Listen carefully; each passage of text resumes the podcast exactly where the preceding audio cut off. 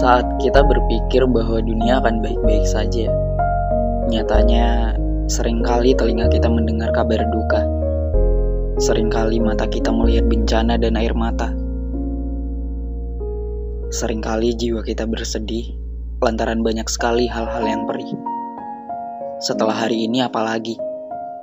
Duka bagaimana lagi yang harus kita saksikan dengan mata kepala kita sendiri? Karena apalagi yang membuat air mata kita jatuh? Kecewa seperti apa lagi yang harus kita rasakan? Sudah sangat banyak, sudah sangat banyak kita menelan pahit yang dunia sajikan. Entah sebagai penghakiman atas tindakan kita, atau justru sebagai penguji kesabaran kita. Aku selalu percaya, di balik baik selalu akan ada buruk.